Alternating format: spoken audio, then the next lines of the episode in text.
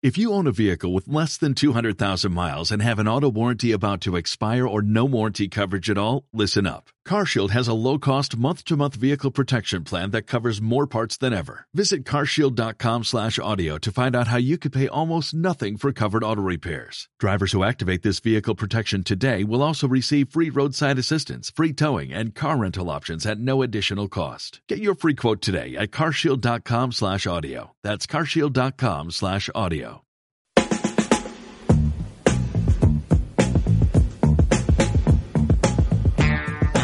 La Casa de Vidre, l'espai del cinema.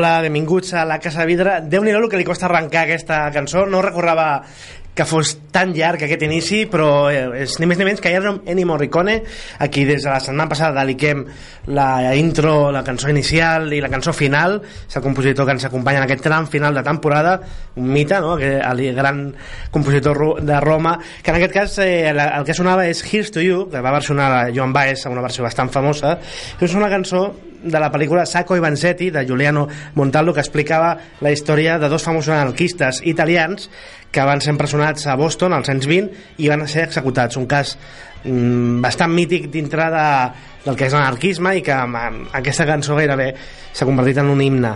Eh, primer eh, ah, com ja sabeu això fem una música dedicada a Morricone però eh, comencem el programa un programa que avui el volem dedicar al terror al gènere de terror ja que s'estrena Hereditary, una pel·lícula que parlarem a la zona crítica i ens volem fer una mica de debat inicial sobre l'estat actual del cinema de terror, sobretot nord-americà, que des de fa 10 anys podem traçar una línia de, de pujança i d'èxit que, que ens, ens és interessant de comentar. No, no hi seré jo sol aquí a l'estudi sinó que des de l'altre en el telèfon perquè avui ha, ha volgut estar en xancles i bermudes imagino, el Víctor Esquirol. Què tal Víctor? Molt bé, molt bé. Tu, tu, fe, tu fes bona publicitat de mi. Escolta Guillem, no, no, no, no t'enrotllis no, no t'enrotllis amb anarquistes i no Morricone has portat aquesta cançó per pura filia a Boston Vull dir, també, eh, també Ah, que em sembla, em sembla molt legítim, eh? però, però ves de cara, home. Sí, és cert, eh? però jo, jo soc més zaramero, eh? m'agrada enganyar una mica. Sí, sí, és, és cert, eh? és una història molt potent que a mi em tira molt per aquests dos vessants, eh? anarquisme i Boston. En tot cas, és el que dèiem, avui parlarem de terror, de gent de terror nord-americà i d'una pel·lícula mmm, que déu-n'hi-do, hereditari. Uh, tenim una mica de pique entre el Víctor i jo, no, no molt, ja sabeu que la confrontació em fa urticària, però bé, eh, vinga Víctor, agafem els bàrtols i comencem. Som-hi.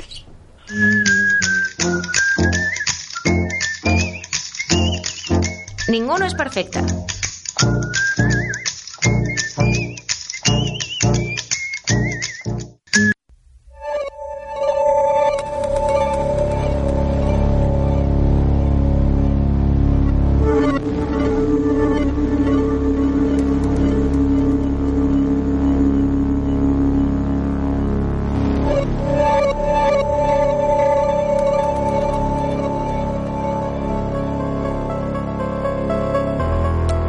Doncs bé, després del compadre inicial, no? eh, que diríem, anem ja al mal rotllo, aquest eh, gènere de terror, Víctor, que, mm, com deia, mm, ara, avui, aprofitant l'estrena d'editari, ens volem fer aquesta pregunta, no? Eh, per què el cinema nord-americà de terror està en aquesta nova edat d'or, tu creus que es podria etiquetar d'aquesta manera? Uau, eh, ah, ah. comencem fort. Eh, escolta una pregunta. Digues. Sí, ara et contesto, eh, però m'has posat de fons la banda sonora d'It Follows? It Follows, i tant. Ah, unes pel·lícules que destacarem com a pel·lícules eh, importants no, aquesta etapa.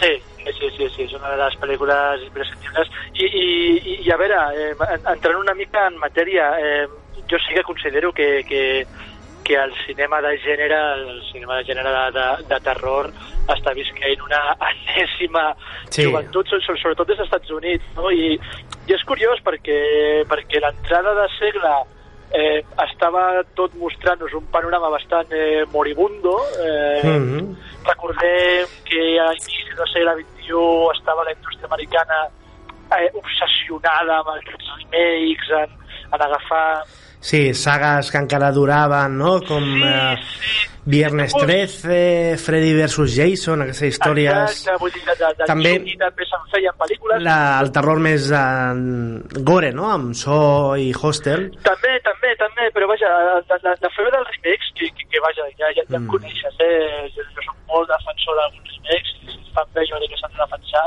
Sí. Eh, també teníem el, la, la, el llargmetratge del Zack Snyder, no? eh, Amanecer de los Muertos, un remake del, de, de, de George Romero, mm. eh, s'agafaven hites no només del passat, sinó hits, eh, per, això anomenar-los, de, del present però d'altres latituds. No? Recordem també la febre aquella que va sentir Hollywood pel J-horror, no? per, per aquelles cintes de terror japoneses, mm -hmm. no? per exemple, jo què sé, The Ring, eh, The mm. Ring que per exemple el Gore Verbinski per mi va fer sí. remake, però vaja, no, no deixava de ser una, una mostra més que òbvia d'una falta d'originalitat. Sí, anava més a rebuf, no?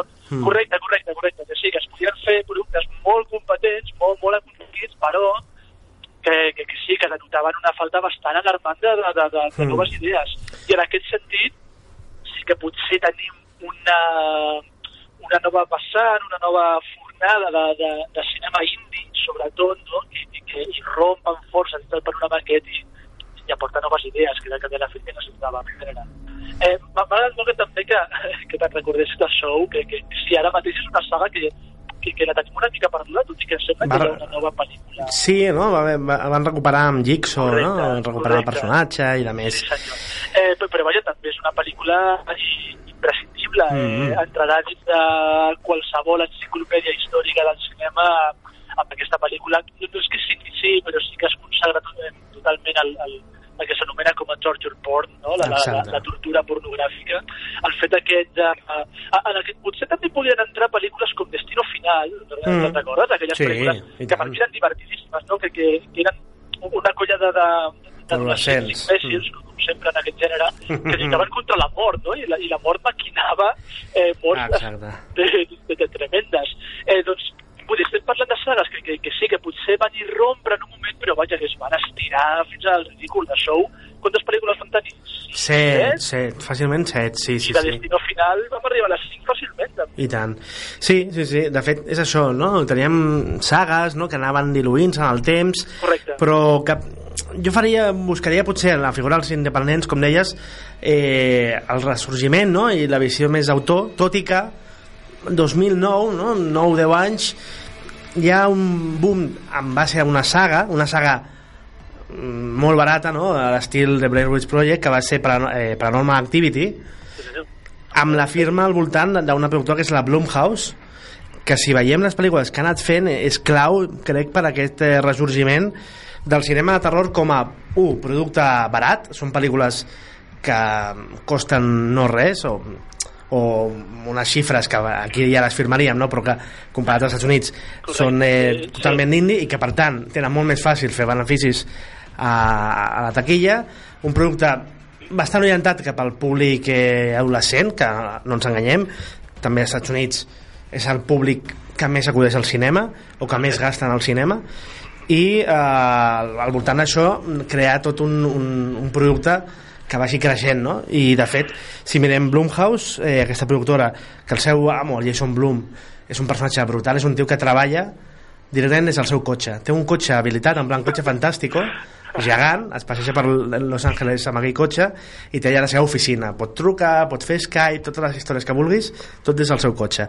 Doncs bé, a Blumhouse, eh, Víctor, podem veure aquesta saga, Paranormal Activity, després una altra saga que també comença ja, que és Insidious, d'on surt James Wan, que crec que és un dels noms eh, més Wow. reconeguts no? de, de tota aquesta, aquesta nova fornada de Purge, no? la noche de les bèsties, aquesta purga Sí, que crec que estava patinada pel Michael Bay, aquesta... No, que- aquesta és també Blumhouse, vull dir que... És Blumhouse, sí, sí, sí, però no sé si el Michael Bay entrava en pot, alguna part pot ser, de, que el Michael Bay també té un segell de producció de, de baix pressupost, de terror, que també es converteix en una saga, vull dir, ja comença fort Blumhouse creant noves sagues, no? Si abans també el cinema de terror, doncs era, a nivell de sagues, era Halloween, eh, Viernes 13, Sí. eh, Fantasma, no? eh, Hellraiser, etc Sí. etc. Aquests són noms que s'han creat ara com a noves sagues. Total, totalment, sí, m'ha semblat una anàlisi molt, molt, molt encertada, Guillem. Eh, aquest model empresarial Mhm. per així de, de, de produir pel·lícules barates, fàcilment rendibles, molt dirigides, vull dir, descaradament dirigides a un target, a un, Mm. a un sector del públic molt, molt, molt ben definit, ho, ho teníem, a veure, potser des de, des de les èpoques del Roger Corman, no? aquestes pel·lícules que es feien com a xurros i costaven 4 duros, com has dit tu, sempre segons els estàndards de Hollywood, no? i que rendibilitzaven molt fàcil.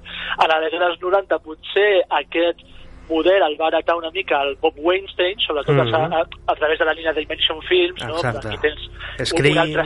Correcte, que correcte. hicisteis. Sí senyor, tens sagues mítiques no, d'aquella dècada i sí senyor, i fins que hi romp eh, Blumhouse que, que m'ha agradat molt que hagi rescatat el Paranormal Activity perquè primer són pel·lícules en les que jo hi crec molt i segon perquè també venien a agafar el relleu d'una d'aquestes modes molt d'entrada del segle XXI dins del cinema de terror, que era el found footage, no? Mhm. Vull dir, aquestes gravacions suposadament trobades, no? aquest subgènere, per així entendre'ns, per així anomenar-lo, que, que, que va rescatar una mica el Mirvik i el Sánchez al projecte de la Bruja de Blair, Cert. no? i que en aquest cas, doncs, com va, de, com va fer Loren Pelli, el, el director i, i alma mater no? de, de, del projecte aquest Paranormal Activity, a tu una pel·lícula et requerien només trobar una casa que, que, que sí, si, si mal no recordo, crec que la primera Paranormal Activity estava rodada a casa del propi director Mm, o a casa sí. d'un familiar del director Sí, sí, sí, i a partir d'aquí rodar quatre escenes és que vull dir, sembla facilíssim s'ha de tenir la idea, no? òbviament, però, però òbviament són, són idees molt fàcils d'executar són pel·lícules d'un baixíssim cost i que vaja, almenys les primeres Paranormal Activities van divinitzar de forma burríssima Sí, em sembla que fins l'any passat encara va arribar la, la cinquena part. Eh. sí, sí, sí, sí, sí encara s'estaven fent Una Blumhouse que a més va, va també començar a agafar noms importants, no? Eh, va recuperar la figura de Shyamalan amb la visita el 2015, una figura que ha seguit a Blumhouse amb múltiple, que, que, i que estava totalment denostada, eh? Ah, Vull totalment. dir... Recordem que, a veure, Shyamalan és un tio que em sembla un mestre, no? Sobretot en, en, en el, el bosque, Mhm. senyales, eh, però que no, no oblidem que venia a fer The Last Airbender i After Earth, eh, I pel·lícules així d'acció més comercialoides que per mi eren horribles, ja el donaven tots per mort i pum, va, va ressuscitar el Shyamalan també amb una producció quintessencialment Blumhouse, sí senyor.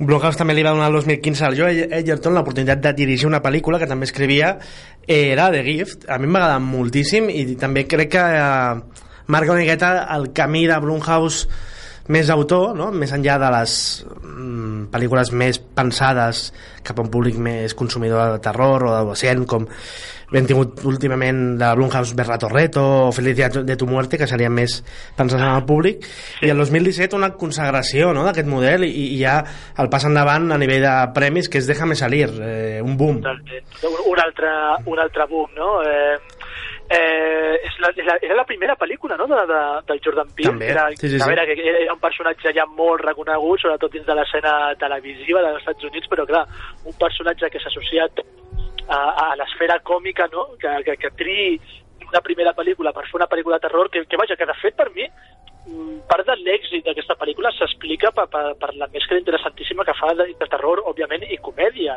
Déjame salir. Exacte. Tenia molt de comèdia i sí, recordem que és una pel·lícula que es va presentar a la sorpresa de Sundance, és a dir, no, no estava en el programa d'aquell festival, però pum, es va posar per sorpresa allà, ja va començar a cridar moltíssima atenció i va ser un èxit no només comercial, eh, crec que és una de les pel·lícules de terror més rendibles de tota la història, sinó Mhm. també acadèmic. Va estar allà a la pomada dels Oscars Sí, i millor guió premis molt importants. Mm.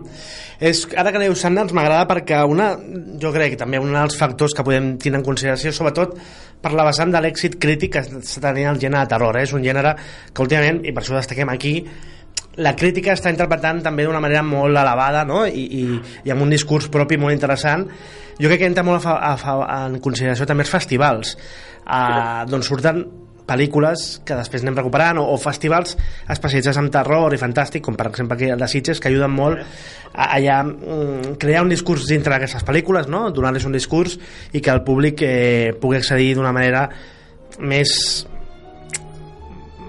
anava a dir més culta però volia, volia referir a una manera més disposada no, no tant a, a patir-les com a pel·lícules de terror sinó també trobar-los certs discurs na- eh, dintre de la pel·lícula i els temes que parli no? No, no, però, però vaja, m'a- m'agrada bastant mm. que hagis utilitzat la, la, la, la paraula culta, que ve la fi, jo crec que els festivals aquests han jugat una, un paper fonamental a l'hora de, de donar-li més noblesa, si, si se li vol dir així, o més prestigi, no? Potser a un, Sí, a un el- gènere que, que, vaja, jo recordo quan era jove, quan era, mm. o encara més jove, recordo que les pel·lícules de terror eren una cosa per quatre gats, Sí. per, per, per quatre frics, i ara mateix... Clar, per la Marató de Sants que... Exacte, de Cotxeres de Sants, per exemple, per fantàstica marató, per cert. i tant, home Eh, sempre... pe- pel Festival de Sitges, i però en aquest sentit jo crec que s'ha de reivindicar moltíssim la figura d'aquests festivals de gènere que han Mm. Aguantat... Fest, Austin, no? O South by Southwest. Sí, senyor, sí, senyor, Sundance. Sundance ha tingut un espai. El Fantasporto també, Mm. mm. tenim Sitges, des de luego, és dir, són grans oasis on el cinema de gènere s'ha pogut desenvolupar i s'ha pogut reivindicar des de, des d'esferes de, de, de prestigi, vull dir, aquí la, la crítica acudia igualment i descobria títols importantíssims, i a partir d'aquí, cada festival de prestigi, tant eh. Venècia, eh, Sundance, eh, Locarno, li han anat fent cada vegada més lloc. Locarno, que és un de les grans mm Mhm. -hmm. del cinema d'autor, fa dos anys va obrir amb The Girl Without the Gifts, una pel·lícula Imagina't. de zombis. Eh, Sundance directament ja té una secció que es diu Park, eh, Park City at Midnight, és a dir, una secció de, de, de, una selecció de pel·lícules directament enfocades cap al cinema de gènere. Mm. -hmm. Imagina't com està la cosa. I sí, efectivament, a Sundance i a South by Southwest, també la cita de, una altra cita inerudible d'Austin, s'han anat eh, incubant moltíssims d'aquests últims èxits del cinema de terror sense els quals no s'entén la, la, la, la, la deriva d'aquest d'aquest gènere. dintre d'aquest món més festivalero no? podem situar una productora de caràcter més indie, és una productora que, que ha tocat tots els pals dintre del concepte indie Digue-ho, digue-ho, digue-ho. que és A24, Ah, A24 sí. i sé que a tu t'agrada molt Ah, eh, ah, ah, sí, estàs allà enviant el currículum no? Sí, sí, sí, sí, Eh, que- que fent cada- refresh a la web Correcte, cada dos mesos vaig enviant el meu currículum i els envio missatges personals. Sí, sí. No, eh, que és una, una productora que ha, fe- ha fet a tot, no? des de guanyar un Oscar a Moonlight, però que també en el món del terror anem veient com ha anat, eh, sobretot des del 2016, una pel·lícula per any d'aquestes potents, eh? el 2016 The Witch, déu nhi mm, aquesta gran pel·lícula. Número 17, per mi, de les millors que he vist de tota aquesta fornada, It Comes at Night, Llega de Noche, que a més va arribar molt desapercebuda aquí l'estiu passat, i és una pel·li, és una pel·lícula que... És una pena, és una pel·lícula que jo la veig també molt eh, ideal per comentar tota aquesta fornada i com el, el cinema de terror també pot donar eh, explicació a coses sociopolítiques no? d'un país i és una pel·lícula que mm, encaixava molt bé amb l'Amèrica de Trump Uh, també ara, no? Hereditari a 24, que ara comentarem a zona crítica Sí, senyor. un eh, Hi ha aquestes 24 pel·lícules mm, que, que aquest any ha fitxat els, els serveis per així entendre de, de, del David Robert Mitchell no va produir, però bueno, recordem que el Robert, David Robert Mitchell farà 3 anys 3 anys o 4 It Follows, va dirigir sí, It tres, Follows, que també és 2015. un d'aquests Mm. títols imprescindibles per entendre el cinema de terror modern. Sí, pel·lícules així sueltes d'altres distribuïdores o productores pensaríem això, It Follows, The Guest, una pel·lícula que també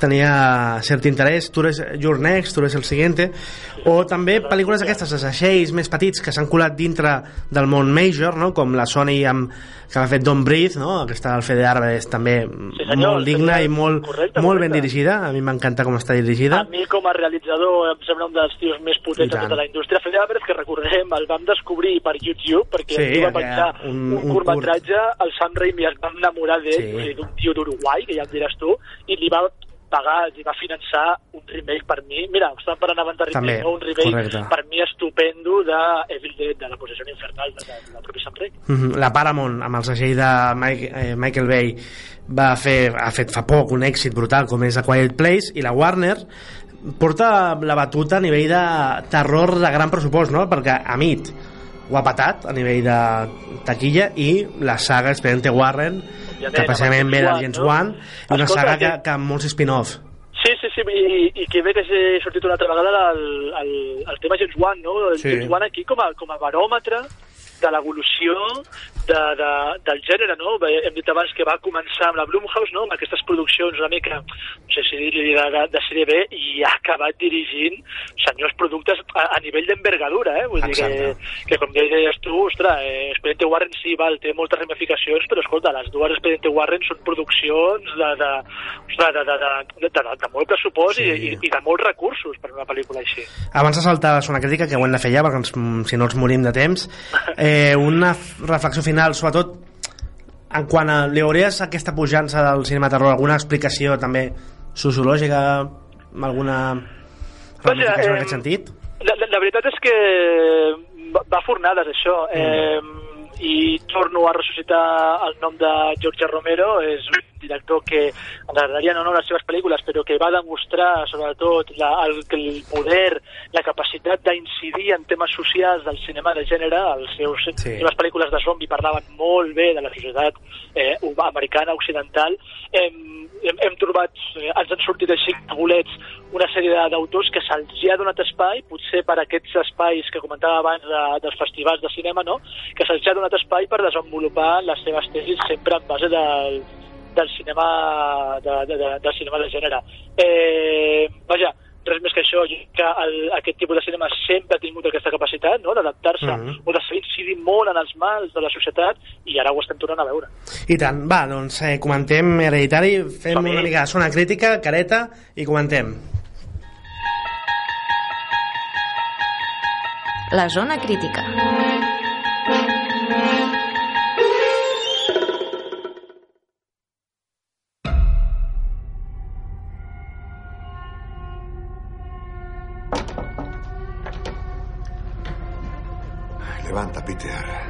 Tienes tu traje.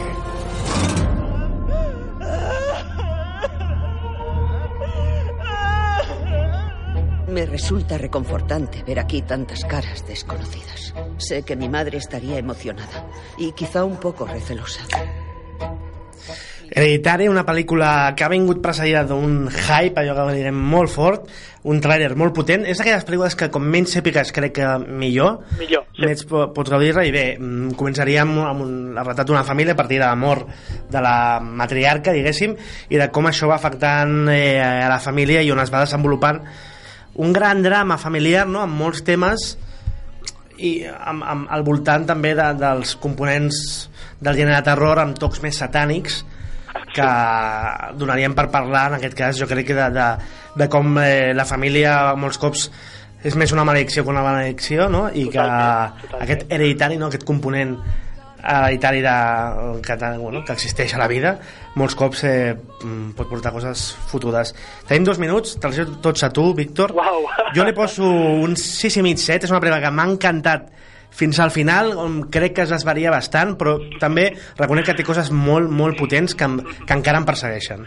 Sí, i, i, i vaja, jo crec que és el gran mèrit de la pel·lícula i és el que parla millor de la pel·lícula. Jo també eh, la vaig veure al costat teu, farà una Sí, setmana sí. ja, i, i és una pel·lícula que segueix perseguint-me, és una pel·lícula que moro de ganes per tornar-la a veure, ara que tinc tota la informació Mm. per, per saber si realment a l'Ari Aster, el, el actor aquest debutant, m'està fent el thriller o no. Em sembla que és una pel·lícula impressionant des del nivell de la realització, de la posada en escena. Eh, L'Ari Aster, en aquest sentit, és un autèntic superdotat. Mm. Ja ho va demostrar en els seus curtmetratges, There's Something Strange About the Johnsons, Bose, La Vie, curtmetratges que estan, per cert, tots disponibles de forma gratuïta a internet i que recomano Ah, molt la seva visió, no només per, per introduir-te en el món eh, d'aquest director, sinó també perquè veies que aquest tio ja des dels seus primers treballs creu que La família és una autèntica pel·lícula de terror. Ari Aster, eh?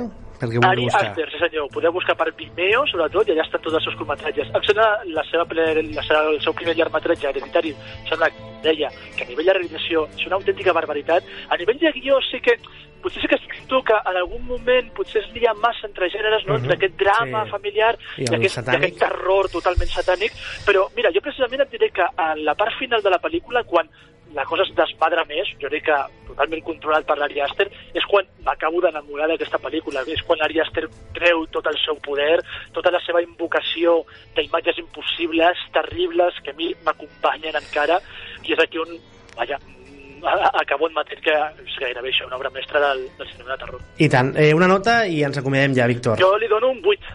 Un 8 sobre 10, perfecte, ho hem aconseguit. Eh, us deixem un altre cop amb Morricone, en aquest cas la música que va compondre per El clan de los sicilianos, aquesta policia que thriller policia dels 60 amb un gran Alain Delon. Víctor, fins la setmana vinent. Eh, Ens veiem. Ens veiem. I a tots vosaltres, això també, fins la setmana vinent. Gràcies. Ciao.